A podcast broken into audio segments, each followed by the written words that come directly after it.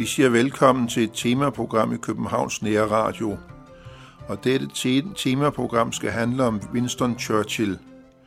Og som basismateriale for, for de her udsendelser, så bruger vi en biografi om Winston Churchill, der er skrevet af Randolph Churchill, altså sønnen til Winston Churchill og historikeren Martin Gilbert. Og vi er nået til den 15. september 1944. Og øh, som musik i dette her program vil vi bruge en CD, Den Hellige Stad af Anders Hall. Den øh, 15. september 1944 tog Churchill afsted for at mødes med Roosevelt i Quebec. Det sjette møde siden sommeren 1941. Churchill og hans kone og flere andre gik ombord i Queen Mary for at sejle til Amerika. Der blev ført forhandlinger med Lord Churchill, som hvis tilstedeværelse havde til formål at opnå en aftale om udvikling af atomvåben. Den 1. september havde et kanadisk korps taget Jeb og kørt ind i Belgien. Den 5. september kørte amerikanske styrker i Belgien ind i Namur og Charleroi. Den 7. september blev Pløk stiert, hvor Churchill havde ligget i skyttegrav under 1. verdenskrig befriet, ligesom i Præ.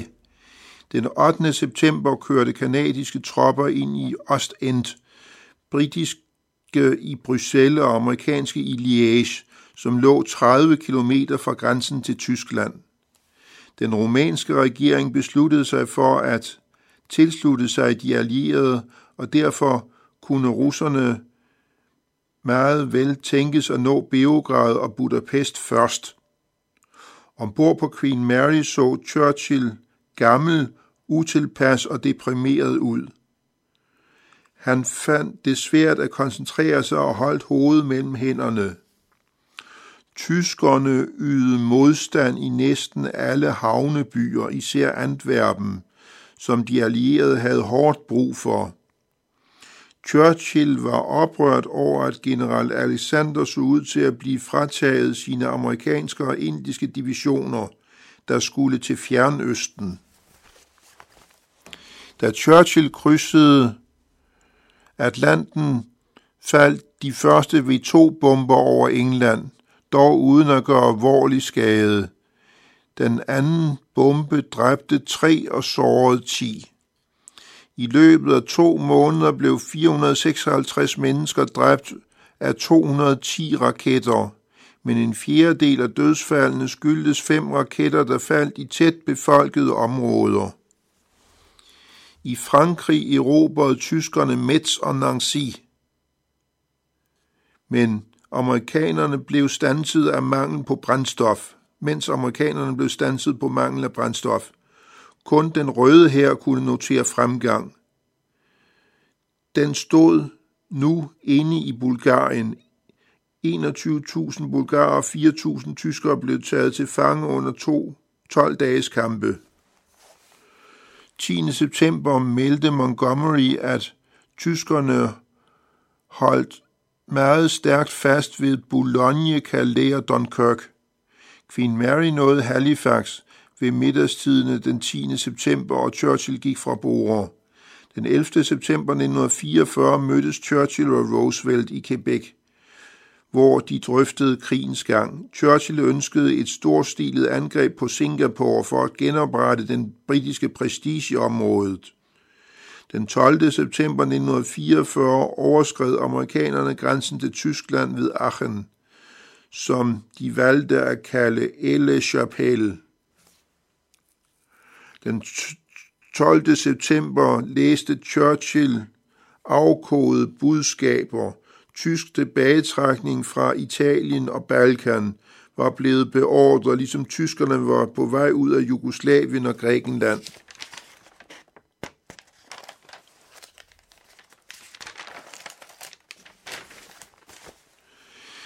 Det var meningen, at når Tyskland var besejret, så ophørte den fælles allierede kommando. Churchill tillod den engelske flåde at tage kampen op mod Japan under amerikansk kommando. De allierede kunne melde om øget tysk modstand efterhånden, som man nærmede sig den tyske grænse, ligesom modstanden i Italien var hård. Nu da krigen gik ind i sit sjette år, noterede Churchill, at antallet af britiske divisioner i Europa var omtrent lige så stort som amerikanernes. Roosevelt gjorde gældende, at tyskerne endnu ikke kunne regnes som overvundne. Situationen i Fjernøsten afhang af slagets gang i Europa. Churchill på sin tid gjorde gældende, at en svækkelse af Alexanders herrestyrke ikke kunne komme på tale, før Kesselrings styrker var besejret. Churchill telegraferede til Atlee, at ideen om at gå mod Wien var fuldt acceptabel, med mindre at andre nåede den først. Nogle kredse i USA gik ind for en mild holdning over for Tyskland, når krigen var forbi. Men Churchill ville ikke vide deraf. Det britiske folk vil kræve en hård linje over for Tyskland, sagde han. De mere underartede elementer, såsom Gestapo, skulle ikke bruges til at genopbygge Europa. Roosevelt støttede afmontering af tysk industri for altid, hvilket blev kendt som Morgenthau-planen. Men Churchill var i, mens Churchill var i Quebec, kom nyheden om hurtig russisk fremrykning i Bulgarien. Churchill insisterede, at Storbritannien satte en fod i døren i Grækenland, hvor tyskerne allerede havde trukket sig tilbage fra Peloponnes. Den 15. september skrev Roosevelt og Churchill under på Morgenthau-planen, der forhindrede tysk våbenindustri i Ruhr og Saar. Mens Churchill var i Quebec, faldt der 26 V2-raketter over Sydengland. De dræbte 56 mennesker. Tyske batterier var i Calais, eller nær Calais, førte til 22 civile dødsfald i Dover og Folkestone. Både Churchill og Roosevelt var klar over, at en atombombe var klar til at bruges i august 1945 til anvendelse mod Japan, indtil de overgav sig. Den 28. september 1944 holdt Churchill efter han var kommet tilbage til England en tale i underhuset om krigens gang. Efter frokost talte Churchill en time om udenrigspolitik. Den 2. oktober 1944 var opstanden i Warszawa til ende. 17.000 af 40.000 polakker var blevet dræbt. Skønsmæssigt 10.000 tyskere var blevet dræbt. General Scobie landsatte 4. oktober tysker på styrker på det græske fastland under navnet Operation Manna. Churchill mødtes med general Alexander, der sagde, at han havde 20 divisioner til sin disposition i Norditalien mod tyskernes 28. Den 9. oktober 1944 besøgte Churchill og Eden Stalin og Molotov i Moskva. Churchill viste et papir til Stalin, der delte de østeuropæiske lande op i interessesfærer. Churchill sagde, at England havde 60 divisioner, der kæmpede mod Tyskland og Japan er 40.000 mand, næsten 2,5 millioner mand alt i alt. Polakkerne blev tvunget af russerne til at acceptere Kørsenlinjen som deres østgrænse. Tyskerne evakuerede Athen den 13. til 14. oktober 1944, og englænderne og grækerne rykkede ind. Den røde her nåede Tjekkoslovakiet den 18. oktober. Konferencen i Moskva mellem Churchill og Stalin handlede i meget høj grad om Polens grænsedragning efter krigen. Det var meget vanskeligt at få polakkerne til at acceptere den nye grænsedragning. 31. oktober 1944 sendte general Alexander tallene for de sidste to måneder. 3.968 dræbte og 16.590 sårede og 2.497 savnede. Den 31. oktober bad Churchill i underhuset om parlamentets forlængelse i et år, i det han ikke kunne garantere, at krigen var færdig den tidlige sommer 1945. Churchill havde et møde med Dr. Weizmann, som man ønskede skulle tage til Cairo for at møde Lord Moyne. Men 24 timer senere var denne blevet skudt ned foran sit hjem i Cairo af jødiske terrorister, medlemmer af Sterngruppen, så Churchill mistede en af sine ældste venner. 5. november rapporterede Churchill til Stalin, at hårde kampe i Belgien og Holland havde ført til 40.000 britiske tilskadekommende. Russerne lod britterne have frie hænder i Grækenland. Til gengæld havde russerne så frie hænder i Rumænien. Den 7. november blev Roosevelt genvalgt til en fjerde periode som USA's præsident. Det tyske krigsskib Tirpitz blev sænket af Royal Air Force i Tromsøfjorden. Let us rejoice together, telegraferede Churchill til Stalin. Lad os glæde os sammen. I Grækenland var der kommunistiske demonstrationer, der førte til konfrontationer med politiet, hvor demonstranter blev dræbt og en politimand. Kommunister angreb mange politistationer Athen, i Athen, og mange politimænd blev dræbt.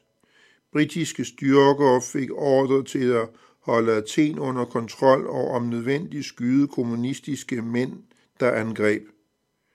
Den 7. december fremgik det, at 30-40 grækere var blevet dræbt og 900 såret. Britterne havde 1800 fanger. Den vigtige ting var at skabe orden i og omkring hovedstaden. Scobie telegraferede fra Grækenland. Opgaven er ikke let, da vi er oppe imod en skrupelløs og beslutsom organisation. Vi holder grebet om Athen og udstrækker langsomt vores greb. Churchill beordrede store forstærkninger til Athen, men amerikanerne misbilligede Storbritanniens politik i Grækenland. Churchill telefonerede til Hopkins, Roosevelts rådgiver, for at gøre Roosevelt opmærksom på uoverensstemmelser, uoverensstemmelsen, der førte til, at amerikanske skibe nægtede at understøtte britterne. Churchill sendte et telegram, som kom i amerikanske hænder og blev lækket af Washington Post af Drew Tyson, hvilket værkte stor på styr. Alexander nåede til Athen, hvor han konstaterede, at de britiske styrker i Athens hjerte blev belejret. Det stod værre til, end han havde troet i London. USA's opinion var fjendtlig over for den græske konge og Papandreous regering, og mente, at britterne prøvede at bevare det græske monarki. Det blev foreslået at gøre ærkebiskoppen af Athen til regent, men det var kongen imod. Churchill og Eden appellerede til kongen om at gøre ærkebiskoppen Damaskinos til regent, men kongen gjorde modstand. Labour havde kongres og, tak, og bakket op om den britiske regeringspolitik i Grækenland. Den 17. september sendte Alexander en advarsel til Churchill. Han var i stand til at holde positionerne i Athen, men ikke til at besejre oprørerne endnu. Det krævede en division mere, og den kunne kun tages fra Italien. Den 14. december 1944 talte Churchill i underhuset, hvor, hvor han fortalte, at han og Eden var skuffet over, at der ikke kunne opnås enighed mellem Polen og Rusland. Churchill mente, at Polen skulle være en suveræn og uafhængig stat, der skulle forme sine egne sociale og andre institutioner, som befolkningen ønskede det. General Patton var den opfattelse, at den tyske hær over for ham var på randen af at bryde sammen. De var dårligt bevæbnede og dårligt trænede. Churchill sagde, at efter krigen ville han trække sig til Eisenhower sagde, at han efter krigen ville trække sig tilbage og bruge tiden på at forbedre amerikansk-britiske relationer. Eisenhower angreb på to fronter mod Rhinen og mod Aachen i nord og i Alsace i syd. Tyskerne svarede igen med et modangreb i Ardennerne. Tyskerne havde været på konstant tilbagetog, men nu angreb de igen. Churchill foreslog, at den øvre aldersgrænse i infanteriet skulle stige fra 35 til 38 år, og også kalde på frivillige fra hjemmeværnet, for der var brug for 250.000 ekstra på Vestfronten. Churchill måtte næsten dagligt besvare kritiske spørgsmål i underhuset om den græske konge og Papandreou. Churchill og Eden så den græske konge den 22. december. De spurgte ham, om der skulle en folkeafstemning til angående kongedømmet, og det bekræftede kongen. Han ville ikke vende tilbage, før folket havde ytret deres vilje. Det sagde Churchill var vigtigt. Churchill var overbevist om, at den græske ærkebiskop Damaskinos ville være, vise sig at være en venstreorienteret diktator og tilføjet, jeg indsætter ikke en diktator. Churchill tog ned til landstedet Checkers for at holde jul. Det blev den sidste jul under krigen. Churchill var endnu ikke 65 år, da krigen brød ud, og nu var han 70 år. Anstrengelserne havde været massive, og han havde haft to milde hjertetilfælde og en lungebetændelse, der næsten tog livet af ham. Churchill besluttede juleaften for at tage til Athen, og han og Anthony Eden ankom til Kalamaki lufthavnen i Grækenland kl. 2 juledag. Da Churchill ankom til Athen, afholdt han en konference mellem de stridende græske parter. Der var tre delegerede fra kommunisterne. Churchill skiftede holdning til ærkebiskoppen, som han fik et meget positivt indtryk af. Churchill ville nu presse den græske konge til at udnævne ærkebiskoppen til regent. Da Churchill kom tilbage til England, pressede han den græske konge til at udnævne ærkebiskop Damaskinos til regent i Grækenland. Stalin anerkendte Lublin-regeringen, eller Lublin-komiteen, som var kommunistisk, som den rette polske regering, hvilket forfærdede de polske soldater, der gjorde tjeneste i allierede hære. De frygtede, at der ikke ville blive noget fædreland til dem. Den 12. januar offentliggjorde USA sine tabstal på alle fronter siden krigens udbrud i december 1941. 138.393 dræbte, 370.647 sårede, 73.594 savnede, som antages at være dræbte, og 63.764 krigsfanger. Fire dage senere offentliggjorde Churchill britiske og Commonwealth tabstal fra 1. september 1939 til 30. november 1944. 194.497 dræbte, fra Storbritannien, 28.040 kanadier, 18.015 australier, 17.415 indere, 8.919 fra New Zealand og 5.783 fra Sydafrika og 4.493 fra koloniernes tropper. Det totale antal af krigsfanger 294.438, hvoraf 161.020 var fra Storbritannien. I Grækenland blev der undertegnet en våbenhvile mellem de britiske styrker og ELAS, altså kommunisterne, den 12. januar 1945. Den 13. januar blev der taget de afgørende planer for et topmøde i Jalta mellem Roosevelt, Churchill og Stalin. Den 22. januar 1945 stod den røde her ved floden Oder, 165 miles fra Berlin. Hele Balkans, bortset fra Grækenland, vil blive russificeret, fastslog Churchill, og der er intet at gøre for at forhindre det.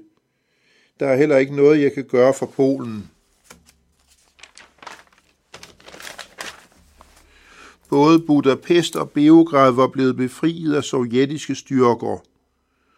Churchill og Roosevelt mødtes på Malta, og Roosevelt så meget syg ud, og det var ikke muligt at føre politiske diskussioner med ham.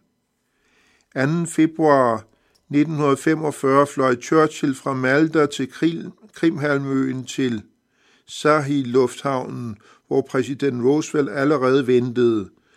Fra Sahil lufthavnen kørte Churchill til Jalta.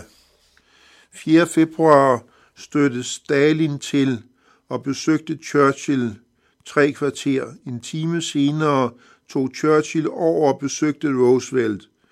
25 millioner mand marcherede efter deres ordre til lands og til havs. På, østfront, på Østfronten havde russerne 180 divisioner mod tyskernes 80 divisioner. På Vestfronten havde tyskerne 79 divisioner mod de allieredes 78 divisioner.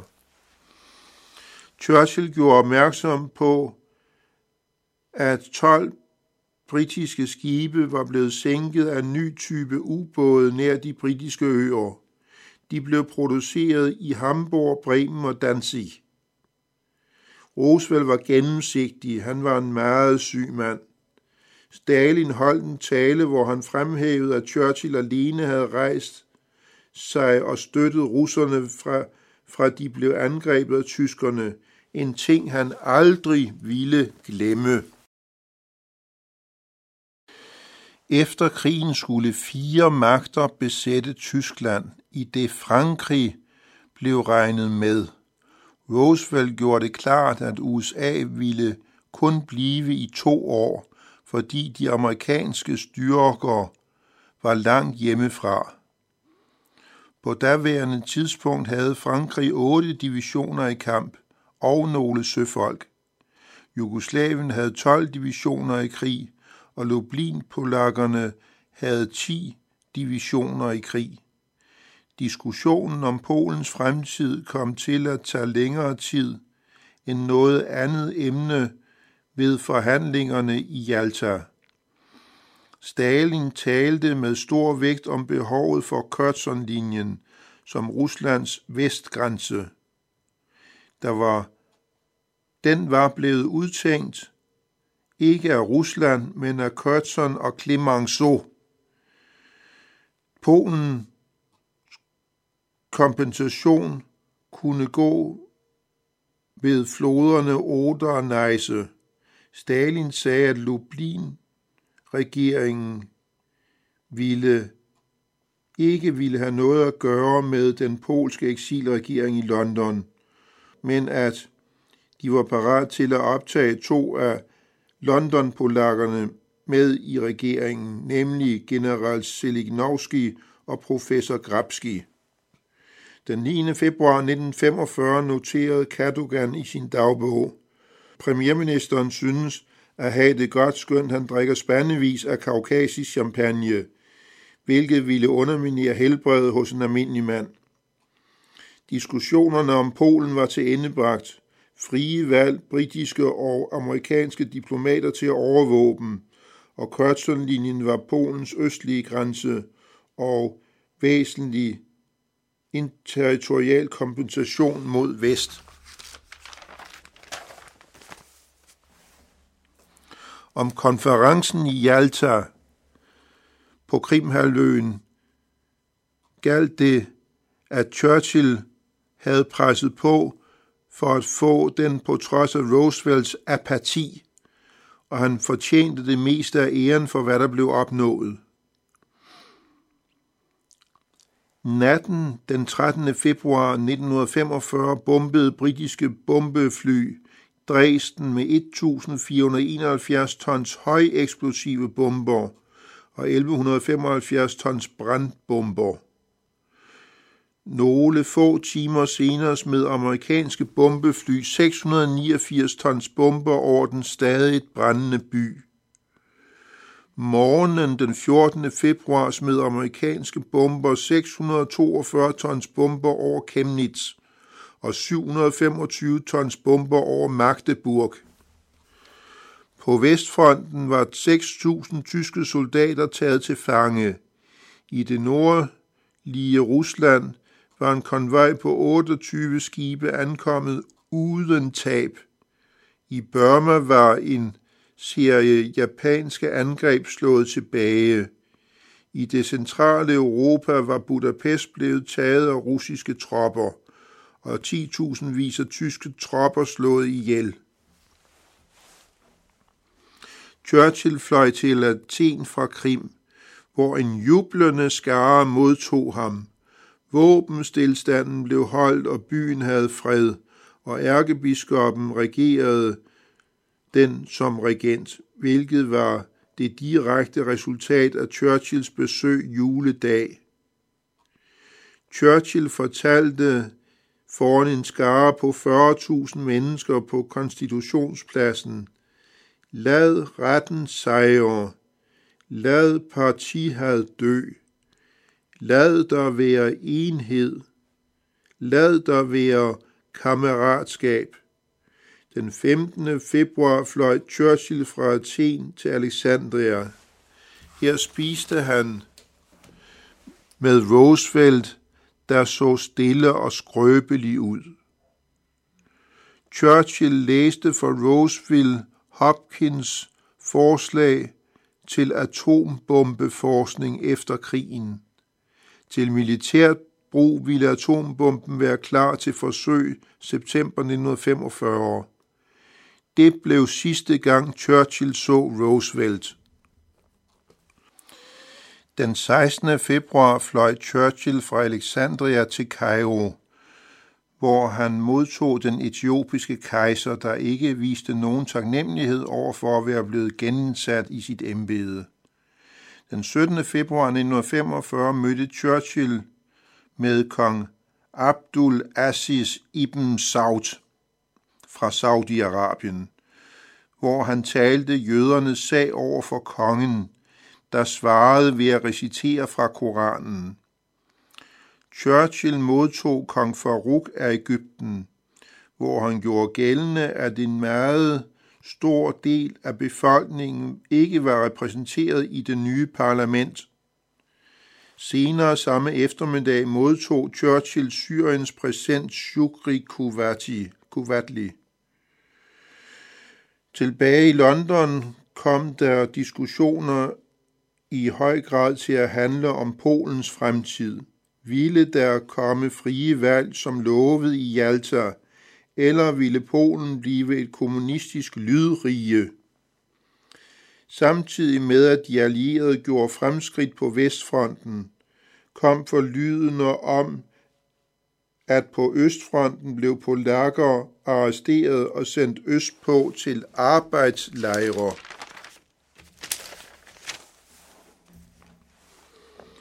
Samtidig med, at de allierede krydsede Rhinen og erobrede Køln, blev Redesco fjernet som premierminister for Rumænien og erstattet af en russisk venlig regering. Det var Churchills store bekymring, at russerne løb fra aftalen om frie valg i Polen, indgået i Jalta, og i stedet indsatte, indsatte udelukkende deres egne folk. Lublin-polakkerne hævdede, at der eksisterede perfekt enhed mellem alle partier, bortset fra forrædere og kollaboratører, som ønsker at genindføre fascistiske tilstande og ikke har ret til at blive kaldt demokratiske, hvilket altså var kommunisternes betegnelse for det polske hjemmeværn. Der var lydige over for den polske regering i London. De blev arresteret, deporteret og tilsidesat af de kommunistiske polakker. Stalin hævdede på sin side, at London-polakkerne øvede terroristvirksomhed mod den røde her og Lublin-polakkerne, og det var den sovjetiske regerings officielle politik. De hævdede at repræsentere bøndernes interesser mod herremændene. Vi kan desværre ikke nå mere i dag. Jesper Sten Andersen siger tak for nu, og tak til Jan Nørgaard, der sidder i teknikken. Vi siger tak til lytterne, som er fulgt med indtil nu.